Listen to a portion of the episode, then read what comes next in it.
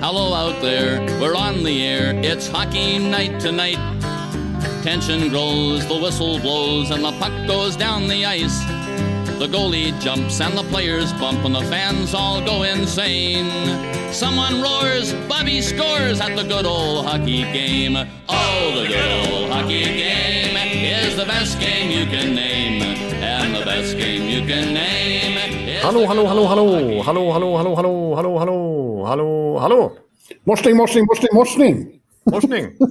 Och välkomna till eh, NHL-podcasten avsnitt nummer 317, tror jag vi sa. Jajamän. Med eh, Jonathan Broccolipajen Ekeliv i Stockholm Ja. och mig då Per Bjurman i eh, New York City igen. Just det. Jag har ju varit ute och åkt lite sen, sen sist. Ja, precis. Det var ju New York City förra gången också, men däremellan har du hunnit med en sväng till Florida igen, men inte främst på grund av Ja. hockey, utan det var ju så att Per Bjurman var plötsligt golfreporter. Ja, ja jag var i Orlando och följde eh, Annika Sörenstams eh, lilla comeback på LPGA-touren eh, i, i dagarna fem faktiskt. Har det. Just det. Eh, och det var ju intressant. Eh, att följa golf är väldigt mycket mer eh, bökigt än att följa hockey eh, live. Det är ju jävla promenerande bland annat i värmen och så. Ja, det, det låter ju så här spontant när man hör det först så tycker jag att det låter ganska nice ändå att åka till Florida och, och promenera runt en golfbana sådär och, och sådär. Men samtidigt, det var, det var väldigt varmt och det är långa dagar. Extremt långa dagar. Ja, ja, i och med att hon var ju långt ner i startfältet och det gick inget vidare så startade ju hon först hela tiden. Och det var ju svinottan varje morgon.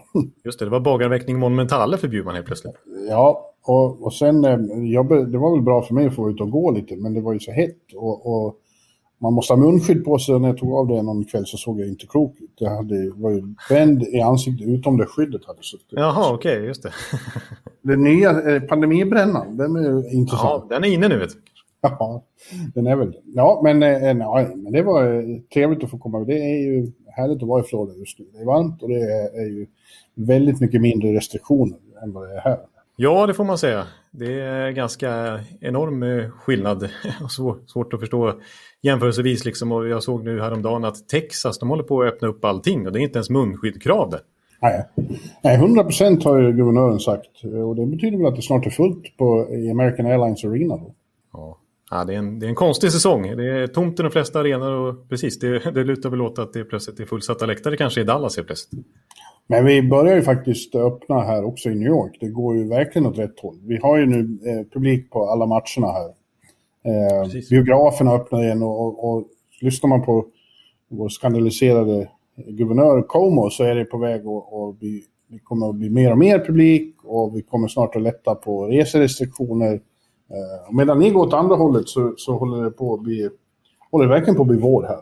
Ja, exakt. För här är det ju verkligen inte nära eh, publikfyllda läktare liksom, utan eh, här är det ju fortfarande mutationer som här är. Så jag tänker det borde väl vara så borta i USA också, men det har kanske gått lite snabbare i distributionen med vaccin där visserligen, men ändå att, att redan nu eh, börja lätta så mycket som Texas gör till exempel. Det är lite annorlunda tänk i den staten jämfört med vad vi är vana vid i svenska samhället visserligen, men ändå. Så är det. Men nu ska vi inte ha någon, någon podd om, om eh, coronarestriktioner för Nej, eller det- emot. Vi bara Jag tror inte de som konstaterar... har klickat in sig på det här vill heller tror jag. nej, nej, nej, men ja, nej, men vaccin, eh, det börjar bli en jävla sprutt på det också. Nu är vi alldeles snart vid dygnet runt på Yankee Stadium och City Field och de stora arenorna.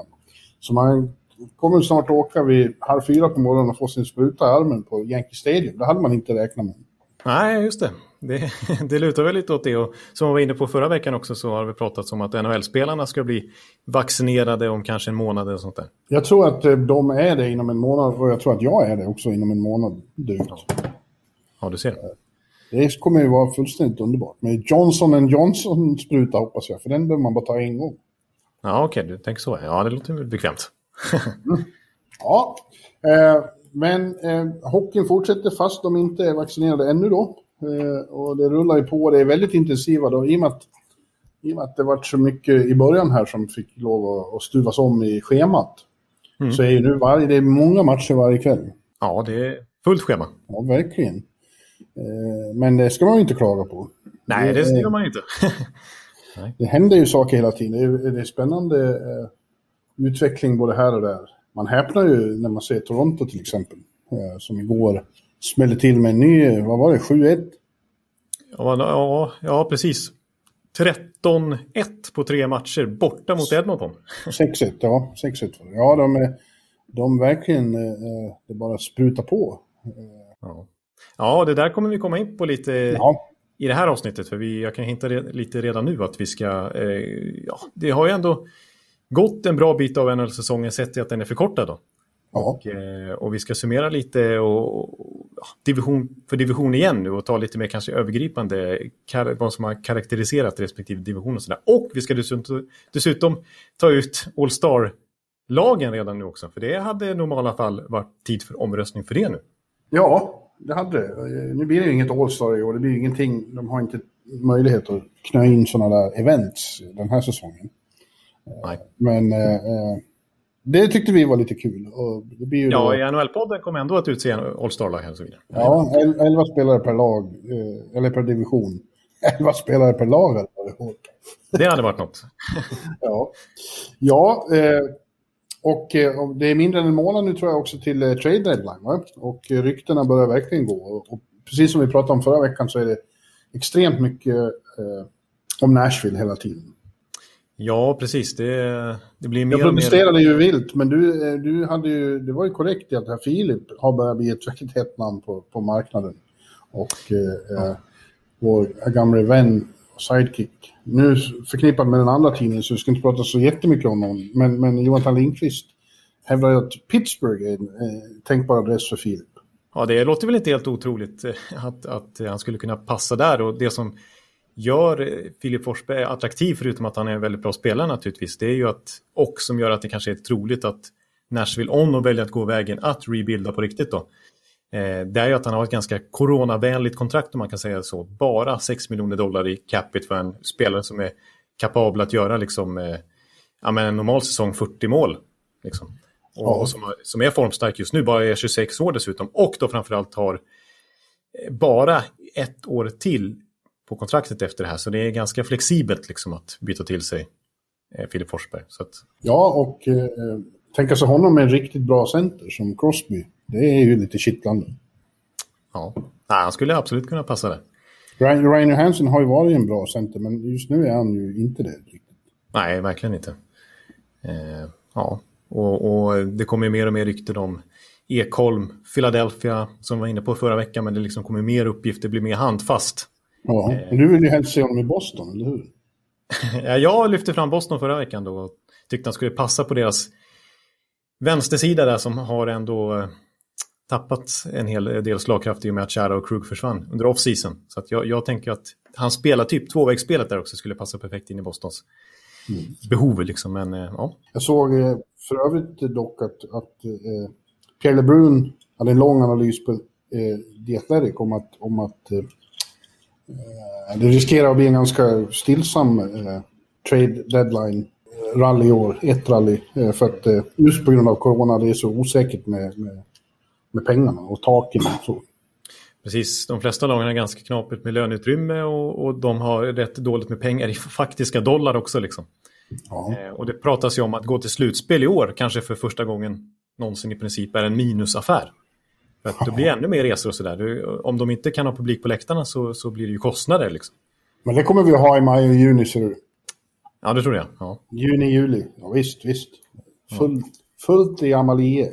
Alltså, ja, de har i alla fall öppnat här nu för 3800 från och med, vad var det, någon gång i mitten på mars, någon vecka drygt. Ja, jag ska nog ner igen. Okej, okay, det blir en tredje vända ner till den heliga... Ja, ja jag tycker jag, jag trivs där. Härligt. Vem gör inte det? Jag, jag tror jag ska flytta till Tampa.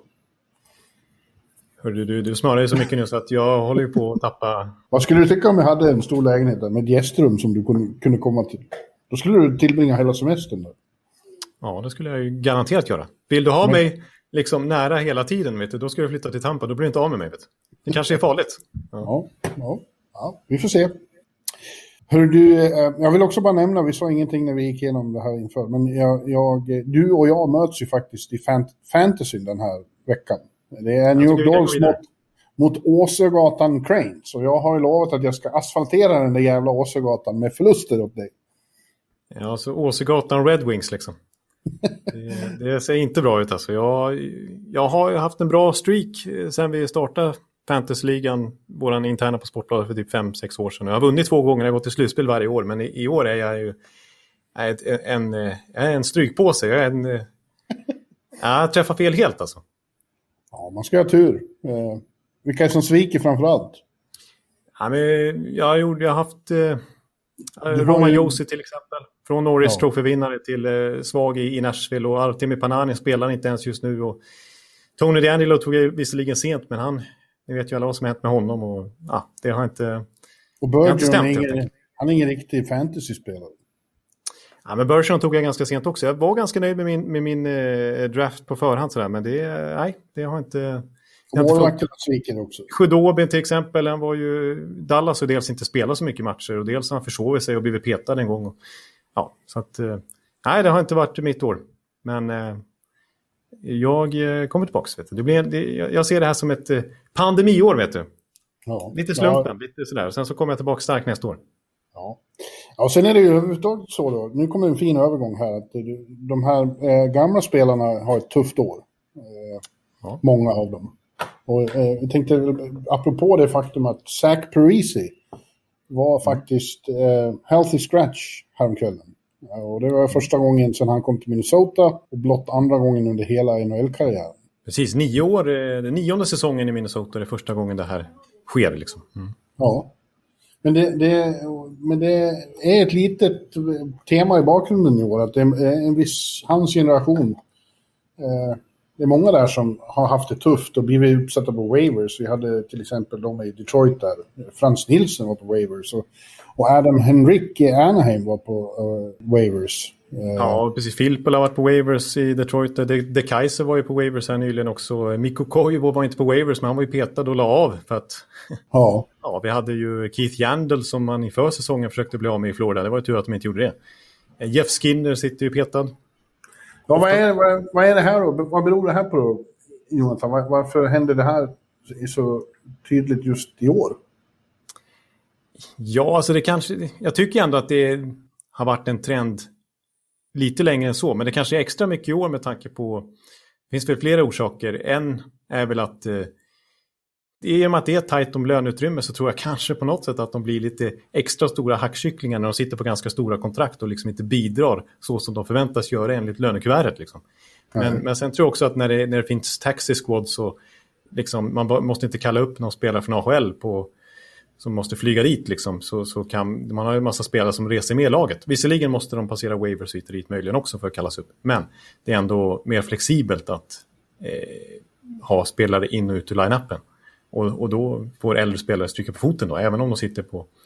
De har, de har en fin meritlista och sitter på stora kontrakt. Sådär. Mm. Ja, eh, jag, jag tycker också att det sitter ihop lite med en allmän eh, trend mot större otålighet både hos klubbarna, fansen och media. Eh, som väl kanske är en, en samhällsutveckling lika mycket som en utveckling i NHL. Man ska ha instant gratification. Eh, Annars blir man omedelbart eh, otålig. Vi har sett väldigt många exempel på det tycker jag den här säsongen. Eh, Elias Pettersson startar lite trögt, plötsligt är det katastrof, hysteri. Vad är det? vad, är han slut redan? Varför händer ingenting? Ja. Zibanejad, vad skrev vi? Ja, jag skulle just komma till... Ja. Mika Zibanejad är plötsligt ett disastrous decline. Eh, efter man startade en säsong, han har varit sjuk i covid och uppenbart blivit påverkad av det på ganska lång sikt. Eh, det är samma sak med Erik Karlsson. Eh, han startar klent. Nu, nu börjar han bli bra igen. Han gjorde sitt första mål här, här kvällen. Mm. Eh, har ju varit väldigt ifrågasatt och det sägs att han har sämsta kontraktet och sånt där. Mm. Det var intressant när jag pratade med honom efteråt. Jag frågade hur han ställde sig till det. Vad han säger om att vara ifrågasatt i princip för första gången. Han, han rök rätt mycket på axlarna av det och sa att eh, ja, men så är det i den här branschen. Man får stå ut med det. Eh, när det går bra så blir man älskad av alla. När det går dåligt så blir det åt andra hållet istället. Det här är första gången jag är med om det och jag får se det som en intressant upplevelse och känna på hur det är. Ja, utifrån den intervjun jag läste där som du skrev där så, så lät han ganska obekymrad faktiskt. Ja. Det är ju typiskt Erik ändå. man, ja. man, det är ändå ganska massiv press på honom med det där kontraktet. Och, och ljudet i skällan som har varit här på slutet, men eh, han eh, känns inte speciellt brydd.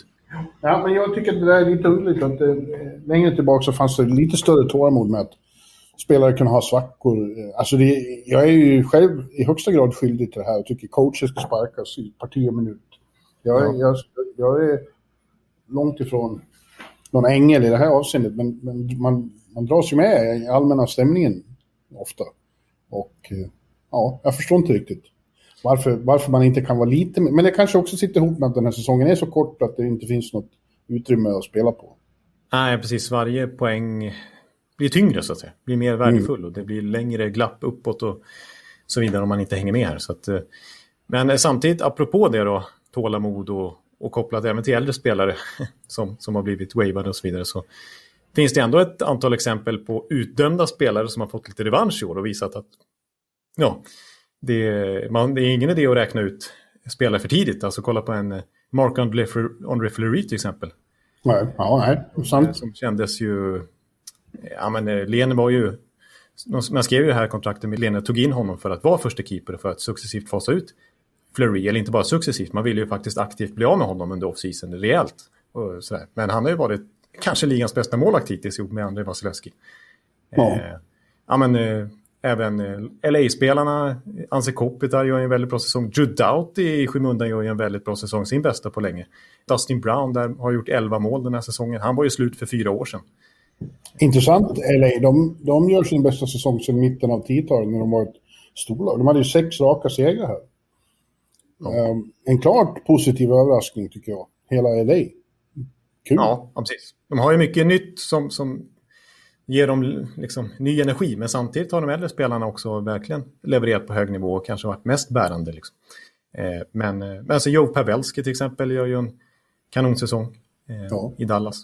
Ja, men det, det kan man väl dra slutsatser av. Att det är, spelare som man vet håller hög kvalitet inte ska dömas ut så fort det har gått ett par veckor när de har varit lite klena. Nej, precis. Men det... ja, men jag, alltså när vi pratar den här debatten nu så kommer jag att tänka på redan en, en spaning som David Booth, om du kommer ihåg, kommer du ihåg David Booth? Gammal... Eh, Ja, han, kort prime i Florida. Han gjorde 30 mål, typ kanske 2010. Och sånt där. Ja, det ringer en klocka. Ja, eh, och sen några år senare bara så, ja, så, då var han nere på så här att han fick ta en tryout liksom.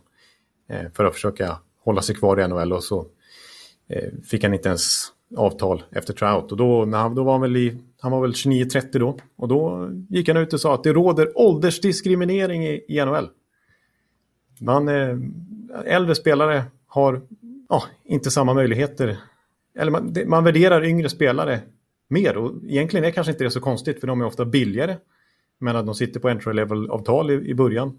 Eh, och det är en snabbare liga nu än vad det var förr Jag i skulle tiden. just komma till det. det. Det är ju naturligt i att spelet går så fort och de här unga spelarna driver upp tempot. Så det är ju ett faktum att vissa äldre inte hänger med. Och tidigare har det varit nästan tvärtom, att man har värderat rutin och, och många år i tjänstgöring lite för högt. Att de har varit untouchables. Så ska det inte heller vara. Nej, exakt. För det var han inne på att eh, själv då, Booth, i det här resonemanget för fem år sedan. Att eh, förr i tiden, han, när han kom in i ligan så tyckte han att det var de äldre som liksom... Han fick kämpa för att ta en plats. Liksom. Eh, Nu är det mer så att äldre måste kämpa för att behålla sina platser. Ja, men det är väl rimligt. Faktiskt. Ja, det är ju rimligt, precis. Och det är inget konstigt med det egentligen. Men det här är ju en trend som har rått, rådit rätt länge i NHL. Och det, det är väl därför vi ser sådana som Parisi till exempel eller Henrik eh, långt ifrån sitta säkert på sina stolar trots att de har fina meritlistor. Ja. Jag, jag skulle vilja påstå att det, det, det stora paradigmskiftet ägde rum eh, under World Cup 2016 med det här North America-laget med Kids. Eh, Det var, det var då det började slå om till att yngre spelare är mer värdefulla än äldre. Ja, sant. Det har du helt rätt. Det kan man faktiskt eh, peka ut som den stora faktorn där. För då, där var det ju så att det var Tortorellas amerikanska lag där med bara i princip äldre spelare. Bara grit och bara karaktär, lite så. Och rutin kan man säga. Justin Abdelkader. Ja, den, den typen då som gick upp mot... Eh, eh, ja, det var inte, de möttes ju aldrig just de två lagen, men, men eh, det unga nordamerikanska U23-laget var ju, blåste ju banan av motståndarna liksom rent fartmässigt. Det, de, Sverige lyckades ju ta den matchen när de mötte dem till, till förlängning. Men ja. de första fem sex minuter i den matchen är det värsta man har sett. Vilken ja. extrem skillnad i fart det var. Ja.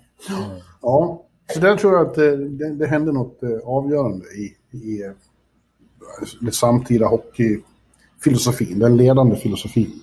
Fick ny karaktär. Det, det här är egentligen Precis, det här är egentligen en stor debatt som vi inte behöver gå in så mycket på nu, för det hade vi nog inte tänkt egentligen heller. Det här var bara en liten kort grej vi skulle prata om, men eh, alltså jag tror också att unga spelare idag, alltså bara kolla på JVM, kolla på den kanadensiska juniorligan och så här, alltså vilken enorm apparat det är nu jämfört med 2004 liksom. Eh, ja.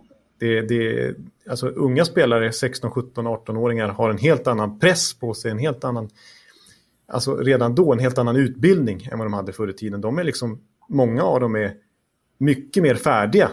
Ja, det är extremt mycket, det är mycket mer ambitiöst program för, för unga spelare, absolut. Ja, precis. Så de är ju mycket mer redo för NHL än vad de var förr i tiden. Och därför är det mycket lättare att skola in unga spelare också nu jämfört med för bara 10-15 år sedan. Ja. Fast det är inte alltid sant. Eh, Lafreniere har inte gjort någon eh, eh, McDavid-succé och det gjorde inte Jack Hughes i fjol heller. Så det finns olika... Ja, och då är de ju bast som du vet nu, tålamodet är slut. Ja, ja precis. Det går i hand i hand det där vet du. Precis, precis. Ja, men uh, ja, det är intressant uh, att, se, att se på de stora dragen sådär också ibland. Ja, precis. Inte bara gå ner på detaljnivå. Men ska vi ta lite bredare pensel nu och gå in på våran...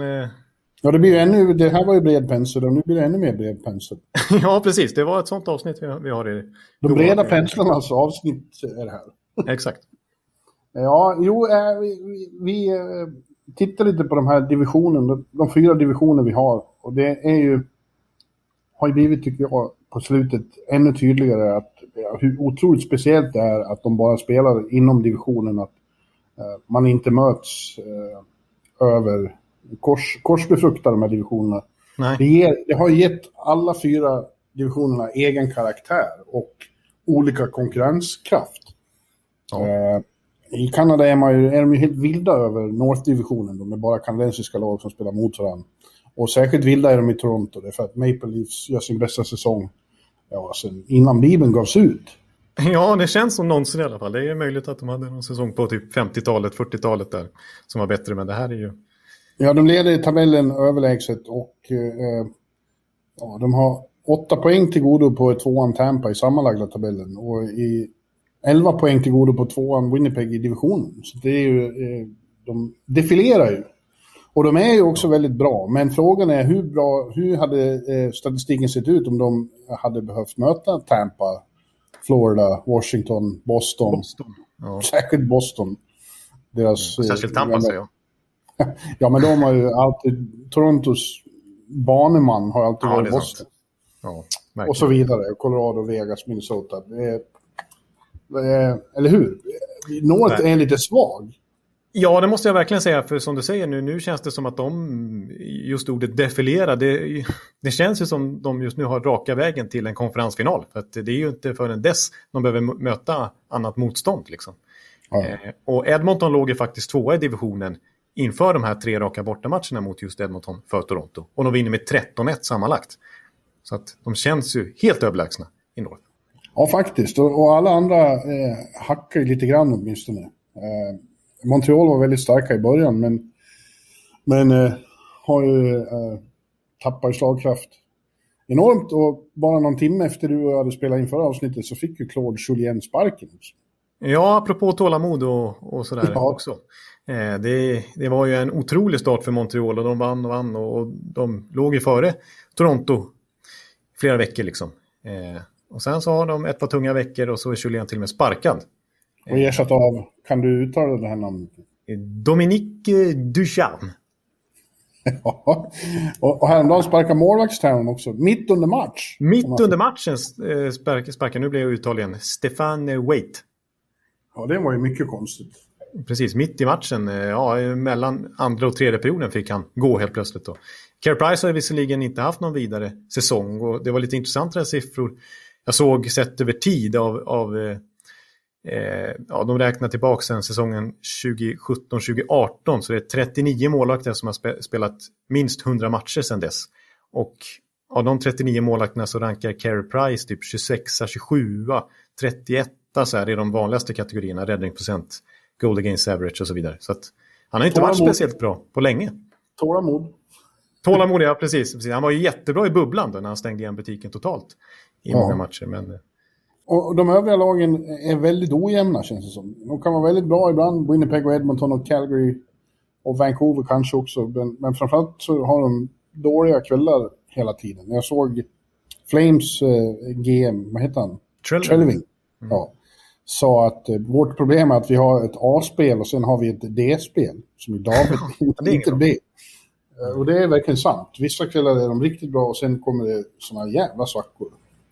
Ja, precis. För de har ju faktiskt nollat, som var inne på förra veckan. Då hade de precis nollat eh, Toronto borta. Ja.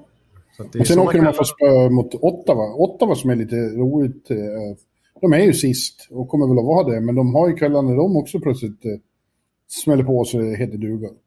Ja, exakt. Så det, det är märkligt fenomen, detta NHL-uttaget, där sånt händer titt som tätt. Men, eh, eh, men jag tycker alla de här lagen förutom Toronto, där kan man se uppenbara svagheter i line-upen och det blir ganska tydligt vissa kvällar. Ja. Eh, liksom Edmonton, det är ju målvaktsspelet känns inte speciellt tryggt där. Backsidan är väl lite ihålig och speciellt utan Klefbom och, och Calgary tycker jag också backsidan är inte lika stark som förut. Rasmus Andersson har tagit de stora kliven och det, det han har axlat det ansvaret som vi förväntade oss i våra preview-poddar. Eh, men typ en Giordano är inte i närheten av Norris Trophy-form som han var för två år sedan. Han ser gammal ut nu.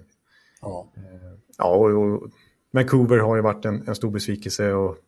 Ja, det är många, de har så här false starters hela tiden. De, de gör en riktigt bra match och vinner så tänker man nu, nu eh, vänder det. Men så tar de omedelbart ett steg tillbaka igen. Eh, något är inte som det ska där. Det, det är, något, det, det, är något som du var inne på förut, att de här de inte resignade eller tradade bort. Eh, de lämnade stora tomrum efter sig. Och mm. Det blir besvärligt för dem att ta sig till slutspel tror jag. Även om det är inte så långt. Det är fem poäng upp.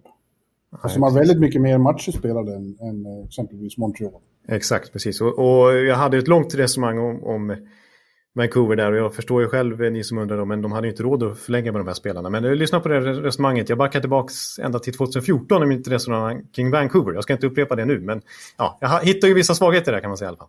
Ja. Ja, om vi går vidare då. De, de, eh, jag, jag, förresten, jag, jag vill bara avsluta. Jag, jag, vill inte då pinka på de just nu väldigt lyckliga Toronto-fansens parad. Men, men eh, de hade inte varit så här överlägsna om, de hade, om det hade varit en vanlig Eastern Conference. Nej, det, det vågar jag slå fast också. Eh, För där, då hade de eh, stött på lag som nu är i Central och East. Eh, mm. Och det är två... Det är svårt att skilja de övriga divisionerna åt, vilken som är bäst. Men vilken skulle du säga? jag skulle nog ändå säga East. Skulle du? Ja, jag tycker att slagkraften på topplagen i Central är jämförbara med Easts motsvarighet. Men, men de har svaga, botten är svag. Ja, men jag tycker nog botten i, i Central är ännu värre än eh, East. Även om de sitter på Buffalo till exempel som är ett riktigt sänke i år. Men New Jersey, liksom, som visserligen också börjar halka efter lite grann nu, är alltid svårslagna. Jag tror de har spelat 12 matcher sånt där med, som har varit uddamålet. Eh, mm. Så de, är alltid, de är alltid en svår nöt att knäcka. Liksom. Mm. Ja, Buffalo, vilket jävla e-, elände det är med Buffalo. De åkte på en rungande sågning av den vanligen snälle, vanligtvis snälle Steven Valkett i, i, i Drottningen i MSGs sändning efter en av matcherna här på Garden. Jaså, vad sa han då? Han sa att de borde skämmas, spelarna. Eh, att eh, det var ingen push när de låg under med ett mål. Kom inte in någon push i, i tredje perioden. Han sa jag, jag älskar människorna i Buffalo. Det är bland de hårdast kämpande i, i det här landet. Och de, de måste avsky att se de här spelarna de borde skämmas. De, de kämpar inte. Det, it's, a, it's a disgrace. Ja. Man är nästan trött på att prata om Buffalo nu för vi har gjort det vecka efter vecka och försökt analysera det här och det händer ju ingenting. De är ju lika dåliga. Fortfarande, Taylor Hall till exempel, står fortfarande bara på ett mål. Och trade... 10 poäng upp till slutspel. Det blir ju ja. inget slutspel. Nej, precis. Utan eh, nu är väl det mest intressanta om de till exempel om de skulle få för sig att trada Taylor, äh, Jack och Taylor Hall för, för den skull. Men, men inte minst Jack Eichel då som du. Ja, och kanske sparka kryckan. Ja, ja, precis. Nej, för Kruger som ju kändes så harmonisk där och som har den personligheten och, och, det kändes som en bra fit i, i Buffalo. Och man tänkte att det här, liksom hans andra säsong, kanske kan sätta sig lite bättre med ännu bättre personal dessutom att, eh, att nyttja eh, i form av nyförvärven där. Men eh, tvärtom så, så känns det disharmoniskt nu verkligen i spelargruppen och, och Jack Eichel och, och Kruger kommer plötsligt inte ens överens om när Eichel har skadat sig och så vidare. Det, ja. Det är mycket konstigt där nu. Men äh, även äh, Central, där har de inte så svårt. Alltså Nashville och Detroit är lite svaga, men att Dallas ligger så långt ner beror ju bara på att de har spelat så få matcher. Dels de... det, men, men också att de, de har faktiskt en negativt... Eh, de är under 50% i vinster hittills också.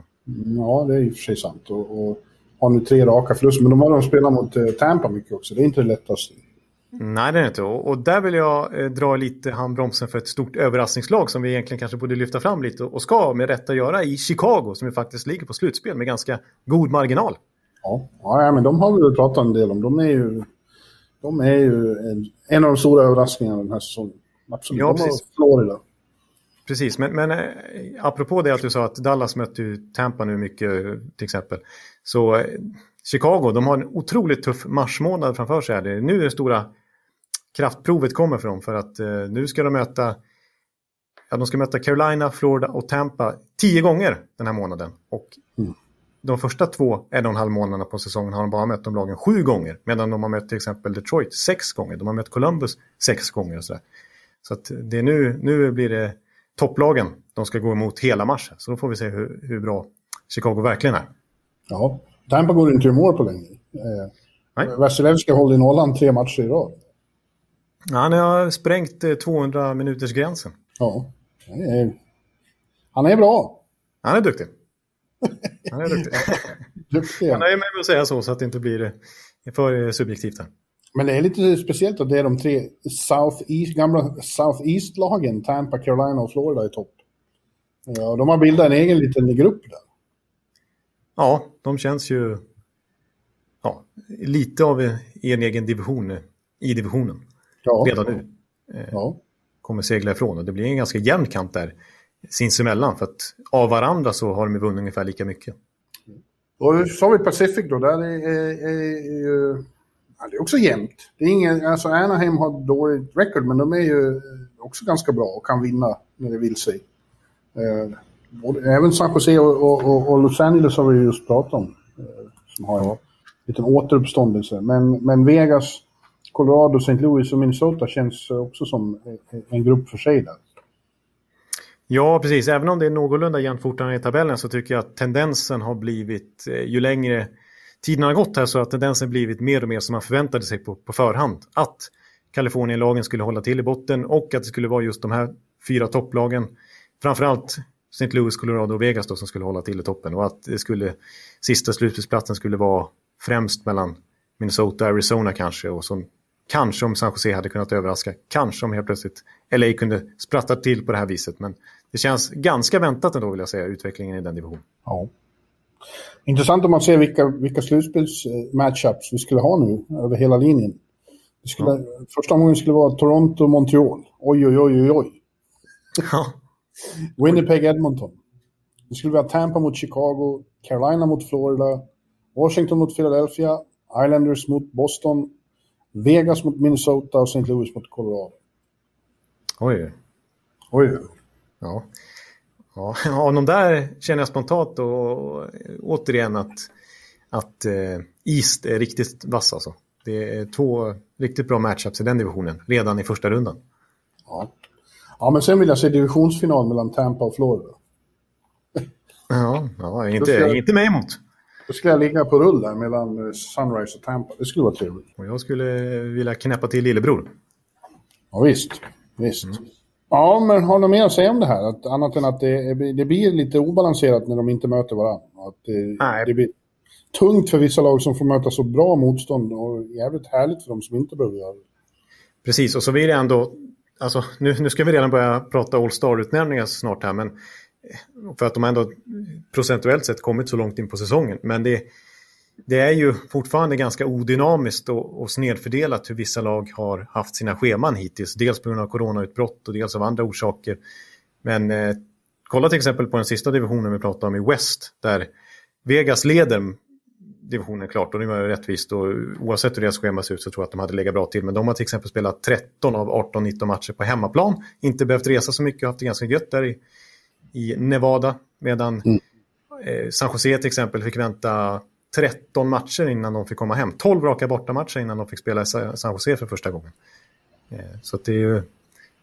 Ja, och som jag var inne på där till exempel med Chicago som man eh, går igång så mycket på. Men de har alltså mött Detroit sex gånger av de här 20-22 matcherna de har spelat. Eller vad det, är, vad det nu har kommit upp i. Så det, ja, det, det är lätt att liksom, när man tittar på det snabbt på det så, så kan man dra snabba analyser. Men zoomar man in lite på deras scheman och så här så är det ganska olika förutsättningar för många lag. Och vad otroligt underligt det kommer att bli sen i sommar när det blir konferens, eller semifinaler får vi kalla det då. När de plötsligt ska möta någon från en annan division. När det plötsligt blir Tampa mot Toronto. ja, ja, exakt. Och Toronto är inte riktigt vana vid den... Liksom, Nej, det, det kommer ju vara lag som de inte har stött på på ett år. Mer, ett och ett halvt år. Det kan bli ett och ett halvt år liksom. Ja. ja det är som något helt nytt. Ja, det blir, det blir verkligen spännande. Ja, ja, det är mycket konstigt med den här säsongen, men det är också spännande och roligt på något sätt också. Att det är sådana här förutsättningar. Ja. Ja. ja, men hör du. Eh, om det hade varit en vanlig säsong, då hade vi som sagt varit, börjat närma oss efter den här delen av en säsong. Uh, alltså, vi börjar närma oss två fjärdedelar. Alltså hälften, med andra ord. Mm. Ja. ja. Då hade, vi, då hade det varit dags för All-Star-uttagning. Just det. Eh, nu blir det ju då som sagt ingen sån, men den skulle ha varit i Florida. Eh, så hade det varit där igen ändå. Ja, du hade fått åka ner till Florida, precis. Det är passande på något sätt att, att du kompenserar den icke-resan då med att åka dit ändå. Ja, det hade varit trevligt att hänga i Sunrise. Oj, vad hett det hade varit och vilka barkvällar. Oj, oj, oj. Ja, men vi, vi, vi har då tagit två divisioner var och eh, eh, tagit ut lika många som vi skulle ha gjort. Det blir 11 per eh, division och minst en eh, från varje lag. Det måste ju vara så. Precis, så jag måste till exempel plocka en Detroit-spelare då, när jag tar ja. ut Central. Mm. Och så måste vi ha två målvakter eh, också. Ja, precis. Per division. Per division, mm. Men jag har inte tänkt, som nu tror jag det blir så ändå, men jag har inte tänkt på kedjor och backpar och så, utan jag har tagit de bästa spelarna faktiskt. För enkelhetens skull Ja, jag också. Jag har inte linat upp dem. Det är ju tre mot tre turneringen här egentligen. Så att, eh, ja, det är ju det. det alla, alla möjliga konstellationer man kan eh, lägga ut på isen. Det är bra spelare vi kommer att ta ut i alla fall. Det är det. Eh, och jag börjar då med... Ja, hur ska vi ta det? Ska vi ta målvakterna först? Eller vad ska vi... Ja, vilken division börjar du med? Är det North? Eller? Ja, jag börjar med North. Ja, det är vår ordning i podden, så det tycker jag. Ja, men, eh, ja, börja med målvakterna. Ja, eh, då, det tycker jag var ganska lätt i North. Det blir Connor Hellebuck från Winnipeg Jets och Jakob Markström från Calgary Flames. Nu har ju Markan varit skadad, men när han spelade så var han ju... Eh, jag tror att han gör comeback ikväll. Det är vad vi hoppas, så att eh, eh Åsegatan Cranes får smaka på honom. Hej då. eh, eh, det är de två framstående målvakterna här, eller hur? Eller har du några att komma med? Andersen är väl inget fel. Nej, nej, verkligen inte. Jag skulle precis kommentera det att man skulle kunna peka ut då överlägsna Toronto. Men, men Andersen har ju varit kanske den statistiskt sämsta målakten då jämfört med, jag menar, både Hutchinson och Campbell höll ju nollan här mot Edmonton. Ja. Så det verkar knappt spela en roll vem de ställer i kassen så, så kommer Toronto vara överlägsna i den divisionen ändå. Så de, de har ju snarare varit överlägsna trots sina målvakter än tack vare. Sen har väl inte heller Bucken varit lika dominant som i fjol, men, men han är ju en väldigt framstående målis. Precis, och de ligger tvåa divisionen trots allt. Ja, så det, eh, det, det, de två får eh, vakta åt, eh, åt North-laget och, och Markan får spela Kenta igen då för Florida. det känns rimligt. Ja. Just det. Ja, men så tar vi lag för lag då. Toronto, där har så ganska givet, den kanske mest givna spelaren i hela All-Star, ja men något undantag, det är Austin Matthews som har, som är skyttekung monumentale i år. ja, skyttekung monumentale ja. 18 mål på 19 matcher eller man står på. Det är ju... Ja. Det, det är bra. Och han, man ser på honom att han, han har den där exceptionella självsäkerheten som bara de som vet att de alltid kan göra mål har. Man ser inte hos så många, men Ovechkin har ju den utstrålningen. Brett Hull hade den utstrålningen. Han är på den nivån nu, Matthews. Ja, ja det känns nästan som att målakterna är rädda för honom. Ja, Alltså, som att, men det är klart. ja, det är klart, det skulle jag bli. Jag skulle bli fullständigt uh, livrädd. Men, eh, men jag, vill lyfta, jag vill lyfta fram, alltså, jag, jag vet inte om han kommer med i ditt lag, men alltså Marner är ju otroligt... Ja, men vänta, kan jag få, kan Okej, jag få, okej, okej. kan jag få ta ut laget innan Ja, du gör det. börjar kritisera uttagningen? Nej, precis. Ja, Toronto får med två spelare och den andra är Mitch Marner. Det finns fler alternativ där. Efter sin lilla svacka har ju Lillnillet varit enastående. Där har vi ytterligare ett exempel på en sån här otålighetsföreteelse. Faktor. Ja, faktor. Att, åh, nu är han slut. Oj, oj, det här går inte. Och han tjänar så mycket pengar. Och så kommer han bara jobba hårt och sen tillbaka i fint slag. Ja. Men, men det blir med Mitch Marner, för han är ju också en, en, eh, absolut superstar där uppe. Verkligen så otroligt komplett. Jag tycker han är så bra även defensivt. Alltså, han, är, han är så användbar. Han är en drömspelare för en coach. Mm. Ja. Eh, Winnipeg, där har vi då som sagt redan haft Conor Hellebuck uttagen, men han får med sig kompisen Mark Scheifele. Ja, Det är bara sju lag i North, så det blir lite fler från fler lag här. Du, ja just det. det är naturligtvis. Eh, och Scheifele är, det är en All-star-spelare också, eller hur? Eller vill du hellre se Kyle Connor? Nej, jag är, min personliga favorit har ju gått och blivit Nikolaj Ehlers där i Winnipeg. Men eh, jag håller med om att Scheifele är en eh, All-star-kaliber onekligen. Även Edmonton får med två spelare. Det hade varit väldigt konstigt annars. Ja, de kan nog räkna ut vilka det är. Det tror Ja. jag alla kan göra. Neon Leon och eh, eh, Connor McJesus. Precis. Det, det är väl det mest givna av allt, tror jag. Ja, om Matthews var given så är nog McDavid rätt given också får man säga. Absolut. De kommer att gränsa i Florida-zonen här åt oss. Eh, från Montreal blir det bara en och det blir kanske ett oväntat namn. Jag tar backen Jeff Petrie. Det har varit kul med, med eh, Anderson och, och eh, Toffoli och, och andra. Men, ja, Suzuki. Men vi ska ha någon back här också. Petrie har ju varit en enastående säsong. han. Ja, precis. Alltså riktigt, riktigt bra. Han känns nästan som att han håller på att bli bättre och bättre med åren och han är inte så ung. Eh, direkt. Eh, vad är han? Han var, 33, han var 34? bra redan i slutspelet och nu har fortsatt på samma sätt. Precis, det kändes li lite läskigt när de skrev det här stora kontrakt med, kontraktet med honom nyligen med tanke på han, den där lite till åren. Eh, men eh, där har vi ett exempel på ja, vad en spelare i den här åldern fortfarande kan uträtta. Och det, han, som sagt, det blir bättre och bättre i hans fall istället. Ja, ja kul, för honom. kul för honom att komma och spela lite All-Star-hockey. Verkligen. Mm. Sen har vi då Calgary och där, därifrån blir det bara marken. Eh, jag tycker inte någon enskild har utmärkt sig över tillräckligt mycket för att få vara med. Nej, alltså Johnny Hockey har ju bättre, betydligt bättre poängsnitt än vad han hade i fjol, eh, som var en stor besvikelse. Men jag är ändå besviken på Gaudreau, alltså att han inte...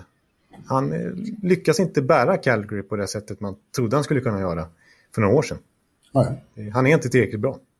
Nej, så Markan får försvara Calgarys färger, vilket kanske känns lite konstigt om han bara var där några månader, men han är nummer ett. Ja. Och då konstigare, kan väl också te sig konstigt då att Vancouver som har väldigt halvdan säsong får med två spelare, men de får det ändå för stjärngransens skull. Jag tar med Elias, han är som gjord för All-Star-uppvisningar. Ja. Och han får med sig sin unge kompis Quinn Hughes. Ja. Ja, men eller hur? det- Ja, det är ju dessutom lite All-Star-helg, så då vill man ju trots allt ha de, de mest spektakulära spelarna också. Ja, och dessutom får han med sig sin bror kan jag ta om sen. Det blir ju kul att de, både, båda ljusarna ska vara med. Ja, just det. Jag trodde du menade Emil Pettersson, att du kallar upp honom från Växjö Lakers. Nej, jag menar Christian Hughes. ja, okej. Ja, just det. okej. Ja. Ja, och avslutningsvis, Ottawa ska ju ha med en också då. Och då tar vi den sensationella Drake Batherson. Som inte är någon jag har gått och tänkt på särskilt mycket innan den här säsongen. Men han gjorde plötsligt nyss mål sex matcher i rad och, och tangerade därmed ett rekord tidigare hållet av Daniel Alfredsson, Danny Heatley, Jason Spezza och en till. Ja, det, är, det är spektakulärt med tanke på Ottawas säsong. Att eh, Ja. den typen av rekord kan slås plötsligt. Men ja, Batterson är ju... Jag pratade om han lite inför säsongen med med hans fina, ja, hans fina säsong i AHL i fjol eh, ihop med Josh Norris. Så att det liksom var givet inför den här säsongen att Ottawa skulle lyfta, lyfta upp båda två. Att de, de, de fick ju chansen i första serien direkt. De startade var väl Josh Norris, eh, ja, det är klart att du har koll på. Brady Kachuk i första, första kedjan i första matchen. Du är ju nörd, så det är klart att du har koll på honom. Men jag hade ja. inte. Nej, men det har ju varit ett ganska utdraget genombrott för honom. Han har ju ändå fått ett antal det är väl ändå hans tredje liksom, säsong med NHL-matcher här. Och eh, först nu börjar det verkligen lyfta. För AHL har han varit helt överlägsen, men nu kommer det även i NHL. Och det som jag, när jag har sett honom spela tidigare i alla fall, så har jag mest eh, blivit mer imponerad av hans passningsspel faktiskt. Men eh, det här, han kan ju uppenbarligen göra mål också. Ja, ja. Eh, Chabot skulle väl också kunna vara aktuell kanske. Eh, ja, men, men jag, tycker, nej, jag säger det bättre så jag håller med dig. Mm. Varsågod, välkommen till Florida, Mr. Bergson. Ja. ja, då, då får du ta över en kort stund. Vad har vi nu då? Ja, men ska jag ta Central då eller? Ja, det tycker jag. Ja. Eh, och då börjar vi i kassen då, förstås. Mm. Eh, och i kass... I, ja, du kan ju gissa vem jag tar ut först då. Ja, det kan jag. Andrei Vasilevski. Och den andra målakten, vem tar jag då? Jo, jag tar Kevin Lankinen. Ja, kul. Chicago, ja. Mm. Annars är Kudovin med i den här divisionen också. Ja, precis. Men i och med att Dallas inte har spelat så mycket än och han har försovit sig och haft sig som sagt då liksom det... det... Nej, och han har varit, varit, inte varit bra för Gotland Cranes heller, så jag har en liten... Eh, vad säger man? Nu kommer något ordspråk igen. Jag har en liten sån eh, tagg i sidan. Ett horn i sidan? Ett horn i sidan, ja. Så heter det. Ja. Inte en tagg i sidan. Tagg, du ser, jag kan inte. Jag, jag hann ändå tänka efter där. Jag tänkte i fem sekunder och så tagg måste det vara. Och så var det fel. Vad är det för maträtt man säger att man ska, man ska få för gammal? Ost. Ja, bra. Trodde ja. du skulle säga leverpastej. ja, nej, nej. nej. Ja, det, där är jag nöjd. Ja. Du kan dra dit saltet växer. ja, det, det hänger jag inte med på. Nej, har du aldrig hört dra dit pepparn växer? Ja, det har jag hört i alla fall. Ja, just ja, okej, nu förstår jag. Just det, du ser. Jag hänger inte. Jag är så... Jag är så... Kasta vad i sjön ska man inte göra. Du ska inte kasta... Eh, man ska inte kasta... Man ska... Man, nej. Yxan! Yxan, jag höll på att säga nyckeln. Det ska man inte göra heller. Men det är yxan. Men... Nej, vänta, vänta. Man ska kasta Och det här var ändå lök på... Laxen. Ja, bra. Det, den har jag koll på. Ja. Ja. Nej, jag måste... ja, det här, får ha en sån här skola nästan varje avsnitt. Så nu, nu har du satt din sista... Potatis? Ja, bra, titta, du kan skulle, jag trodde du skulle säga pepparkakor. ja, nej, nu, ja, men, det här det spårar Ja, men det var viktigt för mig i alla fall att få lite mer självförtroende. Ja, eh, ja Lankinen eh, har vi pratat om en hel del under poddens gång också, hur bra han har oväntat nog varit för, för Chicago och visat de här 2019 VM-takterna i NHL. Ja. Eh, ja, sen, sen rabblar jag väl eh, resten här då. Ja. Jag börjar med Joe Pavelski från Dallas. Mm. Som ju... Inte Klingberg? Eh, nej, faktiskt inte. Jag, jag, har, jag ska komma till det. Jag ska komma till det. Mm. Eh, från Detroit har jag valt... Där var det svårt alltså. Jag var inne på antingen Bobby Ryan för att det kanske skulle vara lite cool story liksom, med tanke på hans bakgrund och helt plötsligt vara en All-Star-spelare igen. Men det är egentligen ingen i, Detroit som förtjänar att vara med i det här All-Star-laget tycker jag. Men jag valde en personlig favorit som jag ändå tyckte gjort ganska bra efter frånvaro och kommer tillbaka nu och eh, gjort en hel del poäng. Jag tror han har bäst poängsnitt i laget faktiskt. Robbie Fabry. Ja, just det. Mm. Mm. Eh, från Carolina finns det många bra alternativ. Jag väljer ändå Sebastian Aho som jag tycker ändå är loket i det där laget. Och, hur, hur många sen... får Tampa med undrar man ju egentligen här. Nej, men jag skulle vilja ha mycket Tampa-spelare, men eh, grejen är att eh, jag vet ju att det är Florida som hostar den här eh, grejen. Så det kommer att vara mycket Florida-spelare, bland annat en nu. Eh, den, den, den som blir den ordinarie spelaren från Florida som jag tar ut, det är Jonathan Huberdo. Ja. Eh, och eh, sen har vi från Chicago igen. Jag har ju redan tagit Lankinen, men jag tar naturligtvis poängliga tvåan. Just eh, efter 400 mål i NHL. Patrick Kane. Yes, såklart. Han är given. Eh, japp, och sen har vi från Columbus. Oj, oj, det är svårt. Det tycker jag att många underpresterat. Alltså, Seth Jones och Rensky på backsidan. Målvakterna, Korpisalo och Merslikins har inte varit i närheten av i fjol. Framåt tycker jag ingen ja, kanske Cam Atkinson, men jag tar av rent bara så All-star-skäl så tar jag Patrik Laine. Ja, och så uh, slipper du vara osams med Jarko. Jarko. Han vill naturligtvis ha Line också. Han har ändå gjort sex mål. Hade du inte tagit ut honom då hade han sagt nu, nu tog fan vad? Nej, jag vet inte. Bofinken. Nej, den hade jag inte hört. Nu tog fan bofinken, har du inte hört den? Nej, nej. nej jag, är helt, jag är helt lost. Eh, och från eh, Nashville så blir det, det blir Filip Forsberg. Ja. Mm. Josie har inte varit tillräckligt bra heller, eller hur? Nej, nej det tycker inte jag. Eh, faktiskt. Inte i närheten av fjolårsformen. Eh, och sen har vi två backar jag ska ha med då. Som jag kan välja och vraka från vilka lag som helst. Eller om jag nu ska ta backar så ja, det går ju inte att inte ta med Victor Hedman tycker jag. Nej, han är given. Precis, och samtidigt har jag ju inte, har jag bara en Florida-spelare nu och jag, då, då är frågan om den andra, den andra borde ju vara en back då, så att jag har två backar, men jag är sugen på att ta ut Alexander Barkov Ja, för Floridas skull. Men sen så om man tänker back så skulle även kanske en sån som Aaron Ekblad kunna vara aktuell. ja eller Strolle. Jag tycker du ska ta ut Hörnqvist. Strå, Strålman och Hedman i, på backsidan. Nej, men Bengan borde vara så bra som han har varit. Ja. Ja, jag känner, jag, det blir bara en back här. Jag, jag tar ut Barkov. Det känns ändå som ett hemma All-Star i Sunrise. Då måste ju Barkov vara med. Ja. Så, Yes. så nu får du ta East. Ja, och där eh, är det... Eh, målvakterna är inte så givna. Alltså det har inte varit några målvakter som har stått ut något särskilt i, i is, tycker jag. Nej, jag håller med.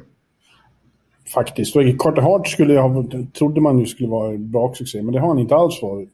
Det slutade med att vår vän Check, som sagt, fimpade honom i, i, i fantasy, fast han älskar Hart så hårt. Ja, då har det gått långt. Ja, det har det verkligen. Fan tog bofinken tyckte jag när jag såg det. ja, nej, men jag har i alla fall då, det, det är Tukarask, kommer från Boston. Han, han är ändå ett, ett, ett stabil, Ja, precis. Och gör ju en klart godkänd säsong i år, som vanligt.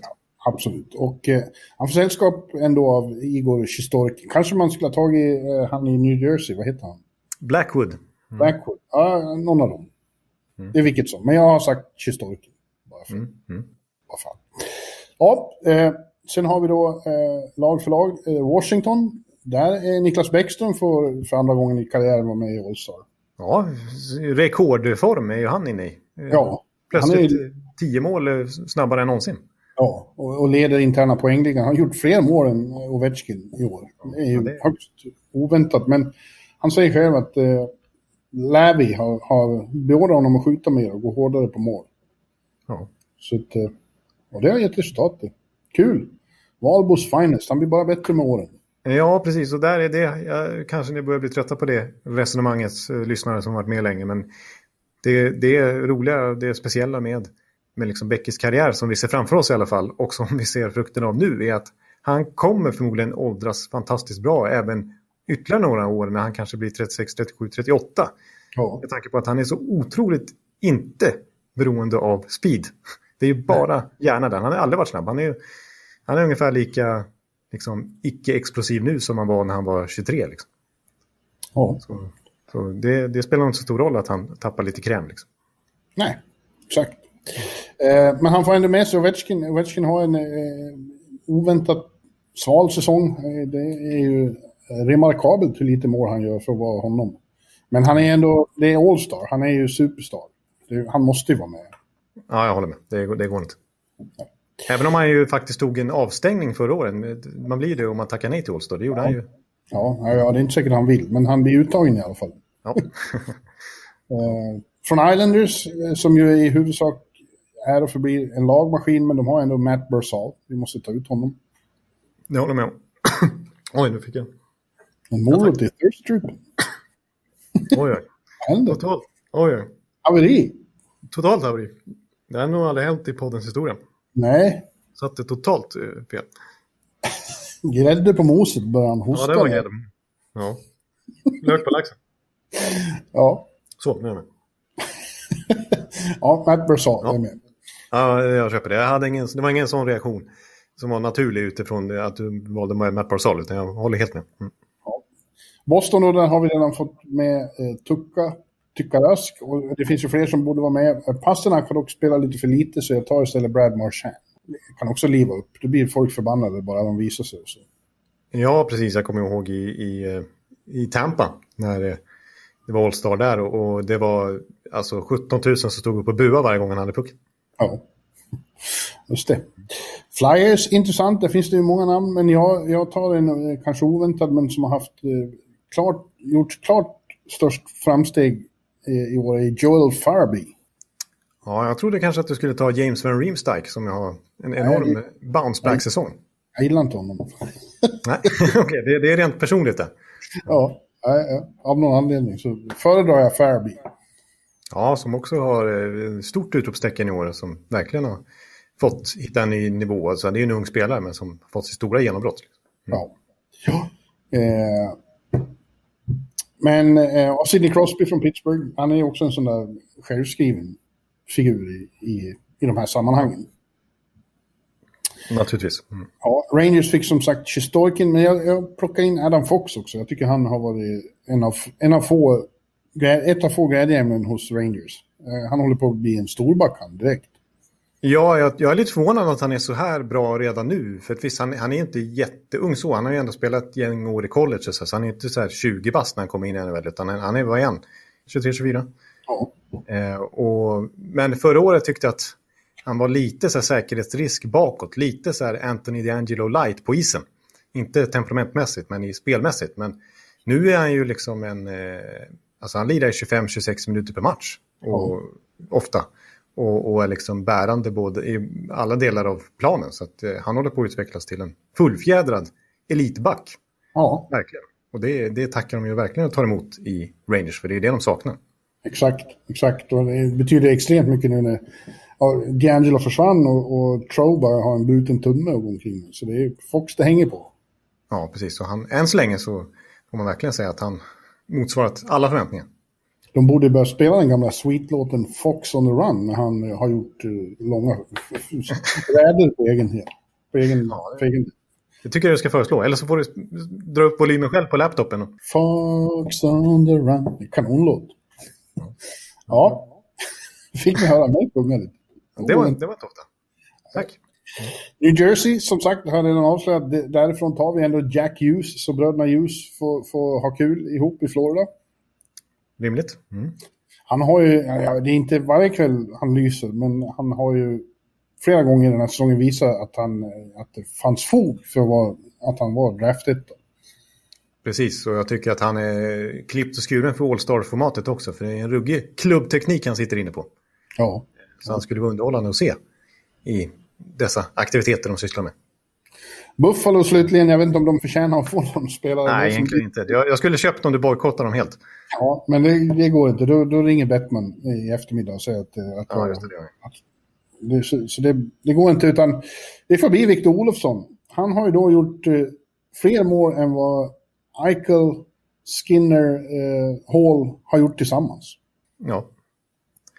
Ja, nej, alltså Olofsson är väl ett av få. Han och Sam Reinhardt och sådär. Kanske något som har, som har ändå presterat på förväntad nivå. Och Linus Ullmark har varit bra också. Ja. ja. ja. ja. Så att, eh, mm, där har vi East-uppställningen. Ja, precis. Jag känner, när jag har rabblat upp den sista divisionen så känner jag nästan att vi måste rabbla upp den, snabbt summera och säga alla spelare igen och sen komma fram till vilken av de här är starkast. Ja, just det. Men då, då tar jag West då. Mm. Och börjar med Kipras såklart. Eh, och eh, ja, given första målvakt om man kan säga så, det här All-Star-laget blir ju Mark-André Fleury. Ja. Det är ingen snack om sak. Sen tyckte jag var lite svårare här också att hitta en, en bra backup till honom. Och, och ja, det landade till slut i att eh, jag behövde ha någon Anaheim-spelare och då blev det ju John Gibson. Ja, precis. Ja, det så tycker att, jag. Eh, Fleury och Gibson. Eh, sen Ja, sen går jag väl, tar jag väl utespelarna bara en radda här. Från St. Louis har jag valt David Perron faktiskt. Jaha. Eh, som ja, fort, liksom spelar sin karriärs bästa hockey nästan, i alla fall poängmässigt. Han har ju gjort ganska mycket poäng i skymundan i, i St. Louis ett antal, ja, varje gång han har varit där. Så har han bytt klubb och så har det gått dåligt, så han kommit tillbaka. Ja. Fått fart på karriären igen och så har han bytt klubb och så, och så vidare. Och, och, han ligger ju på vad är, han, 22 poäng på 20 matcher eller något sånt där hittills. Eh, så han är stabil. Ofta så en poäng per match, inte ofta tre poäng, utan det är ofta så här, alltid någon assist eller något mål varje kväll nästan. Ja. Eh, från Minnesota tar jag Kirill the Trill, Kaprizov.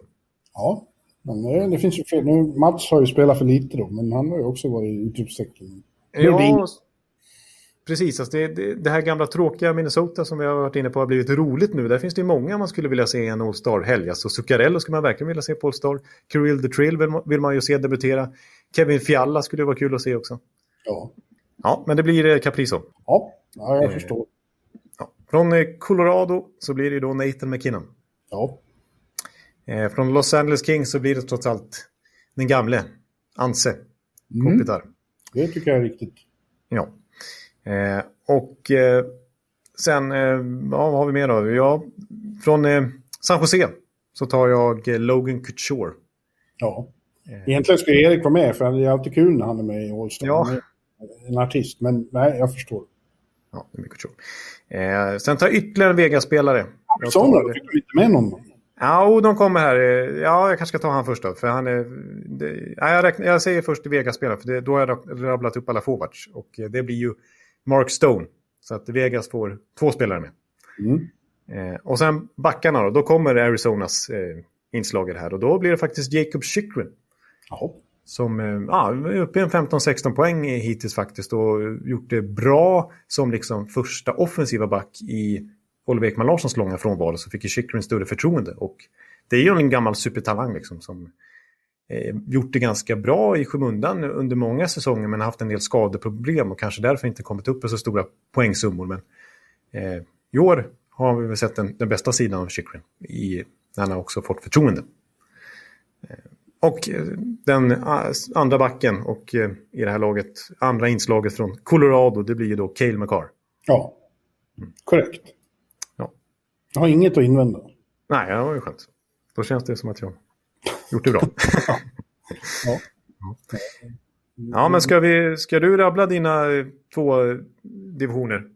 Ja, och jag Så tror att jag har bestämt vilken som är bäst, fast det har motsäger vad vi har pratat om tidigare. Ja, jag, jag har en känsla för det också faktiskt, vilken som är bäst.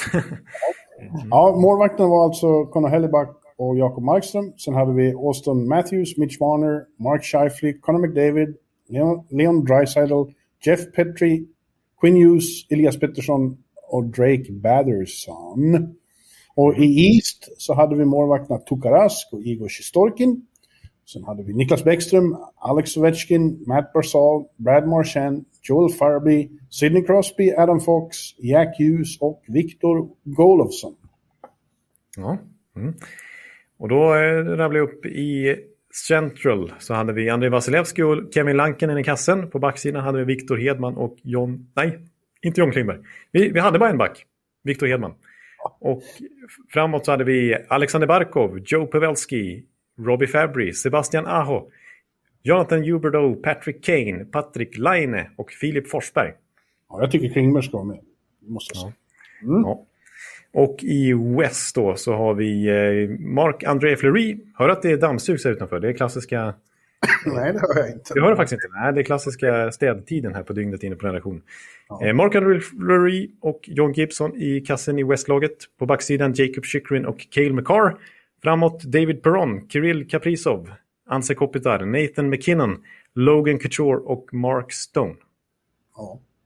Ja, men som ni förstod av vårt inledande resonemang så är det ju faktiskt så att eh, North känns starkast här. Framförallt offensivt med Matthews, Marner, McDavid och Dreisaitl. Morsning, korsning! Ja, precis. Nej, det går liksom inte riktigt att komma runt det. Alltså den extrema slagkraften framåt. Flera av ligans absolut bästa spelare. Liksom. Så att, nej, det, det, det är ju det bästa laget. Trots allt. Ja. ja. Mm. I övrigt känns det ganska jämnt med de här tre lagen. Det är svårt att ranka faktiskt. Måste jag säga. Ja, verkligen. Ja, men det blir en trevlig All-Star här som inte blir. Nej, precis. Det hade varit fint. Vi kan bara ponera hur det skulle varit att se de här spelarna i Sunrise och njuta i solen. Och ha det gött. Mm. Ja. Ha. Men du, ja, då var vi i princip klara då. Hur ser eh, Hans Helg ut? Är du ledig? Ja, jag är ledig vet du. Så att, eh, det blir mycket hockey och sena nätter och lite sömn och så vidare. Passa på.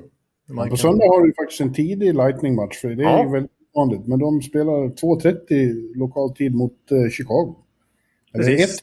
1.30 lokal tid ska vi säga i Chicago. De är ju central. Just det, den ska jag se ihop med faktiskt eh, Anton Johansson, gamla Sportbladet-reporter nu på TT som du har suttit på pressläktaren med i Madison Square Garden här om året också. Ja. ja, han är med i vår fantasy också. Ja, det är han ju. Det är en rookie som gör helt okej ifrån sig. Ja. Så att, eh, passa på när, när Tampa spelar tidigt. Ja, ja, vi har också ja, vi har eh, Devils Rangers. Får se om jag åker till The Rock på den kanske. Om det går att komma in. Jag vet inte. Ja, just det. Ja, men jag kan förstå att du är lite hockeysugen nu igen efter att det har varit så mycket golf här på slutet. Så att, eh, Ja, ja. ja men sen får vi en, ytterligare en späckad vecka. Eh, det är svårt att peka ut stormatcher. De möts ju hela tiden. Så det är, det är ju samma lag. Så.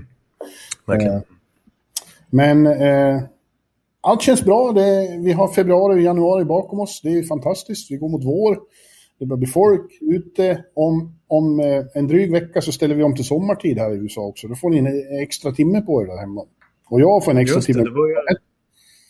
Ja, du får det för att skriva artiklar, vilket du mycket tacksamt tar emot. Och vi får eh, en extra timme i form av att eh, ett matcherna då börjar eh, vid midnatt istället. I, Ja. vad kan det vara, två veckor ungefär. Ja, och jag kan hålla på och lämna texter till ett på vardagar och till två på helger. Oj, oj. Det blir ingen stress alls. Nej, det är långt ifrån stress monumentale. Det är lugnt och skönt monumentale. Ja, Jämförelsevis. Mm. precis. Ja, det, blir, det är Ja. något att se fram emot. Ja, och jag tar med mig från det här avsnittet också motiveringen från Per Bjurman på Sjistorkin. Vad fan. Va? Va? Ja, men den, den, den gillar jag ändå. Igor Sjistorkin eller... Eller men var det mer du, du eh, Blackwood? Nej, det blir Ja. Sjistorkin. Vad fan. Den, den tyckte jag var bra. Jaha, ja, ja. Jag. Ja. Ja. ja, jag ser det som eh, lök på laxen att jag fick det berömmet också. ja, precis. Ja, Jag kan, jag kan inte kontra med något ordspråk. Ja, gräv inte grop åt andra. Nej, det kan jag inte göra. Nej, just det. Vad händer då? Då faller man själv där i, eller hur? Ja, just det. Det kanske gör det nu. Ja, ja. ja. Nej, men eh, vi säger väl så för det här avsnittet. Och så, Ja. så, så hörs vi igen nästa vecka. Hej då! Hej, hej! Hallå, hallå, hallå. Hallå, hallå, hallå. Alex Chiazot, Joe Luis Arena och Esposito. Esposito. Uttalsproblem, men vi tjötar ändå. Och alla kan vara lugna, inspelningsknappen är på. Bjuder Hanna Kohl, han är grym i sin roll. Från Kållesoffan har han fullständig kontroll på det som händer och sker. Det blir ju allt fler som rattar in hans blogg. Och lyssna på hans podd. One, two, time, speed, so Hallå, hallå, hallå. One, two, time, speed, so Hallå, hallå, hallå. Ekeliv, som är ung och har driv. Verkar stor och stark och känns allmänt massiv. Han hejar på Tampa och älskar Hedman. Sjunger som Sinatra. Ja, och där ser man. Nu är det dags för refräng. Dags för magi, Victor Norén. Du är ett geni. Så stand up at home and remove your hats. Höj volym, för nu är det plats. One, two, time, speed, so Hallå, hallå, hallå. One, two, time, speed, so Hallå, hallå, hallå. One, two, time, speed, so Hallå, hallå, hallå. One, two, time, speed, so Hallå, hallå, hallå. Det er utroligt længe siden mor, der samtidig også har råd. Hallå, hallå, hallå. Det er utroligt længe siden mor, der samtidig også har råd.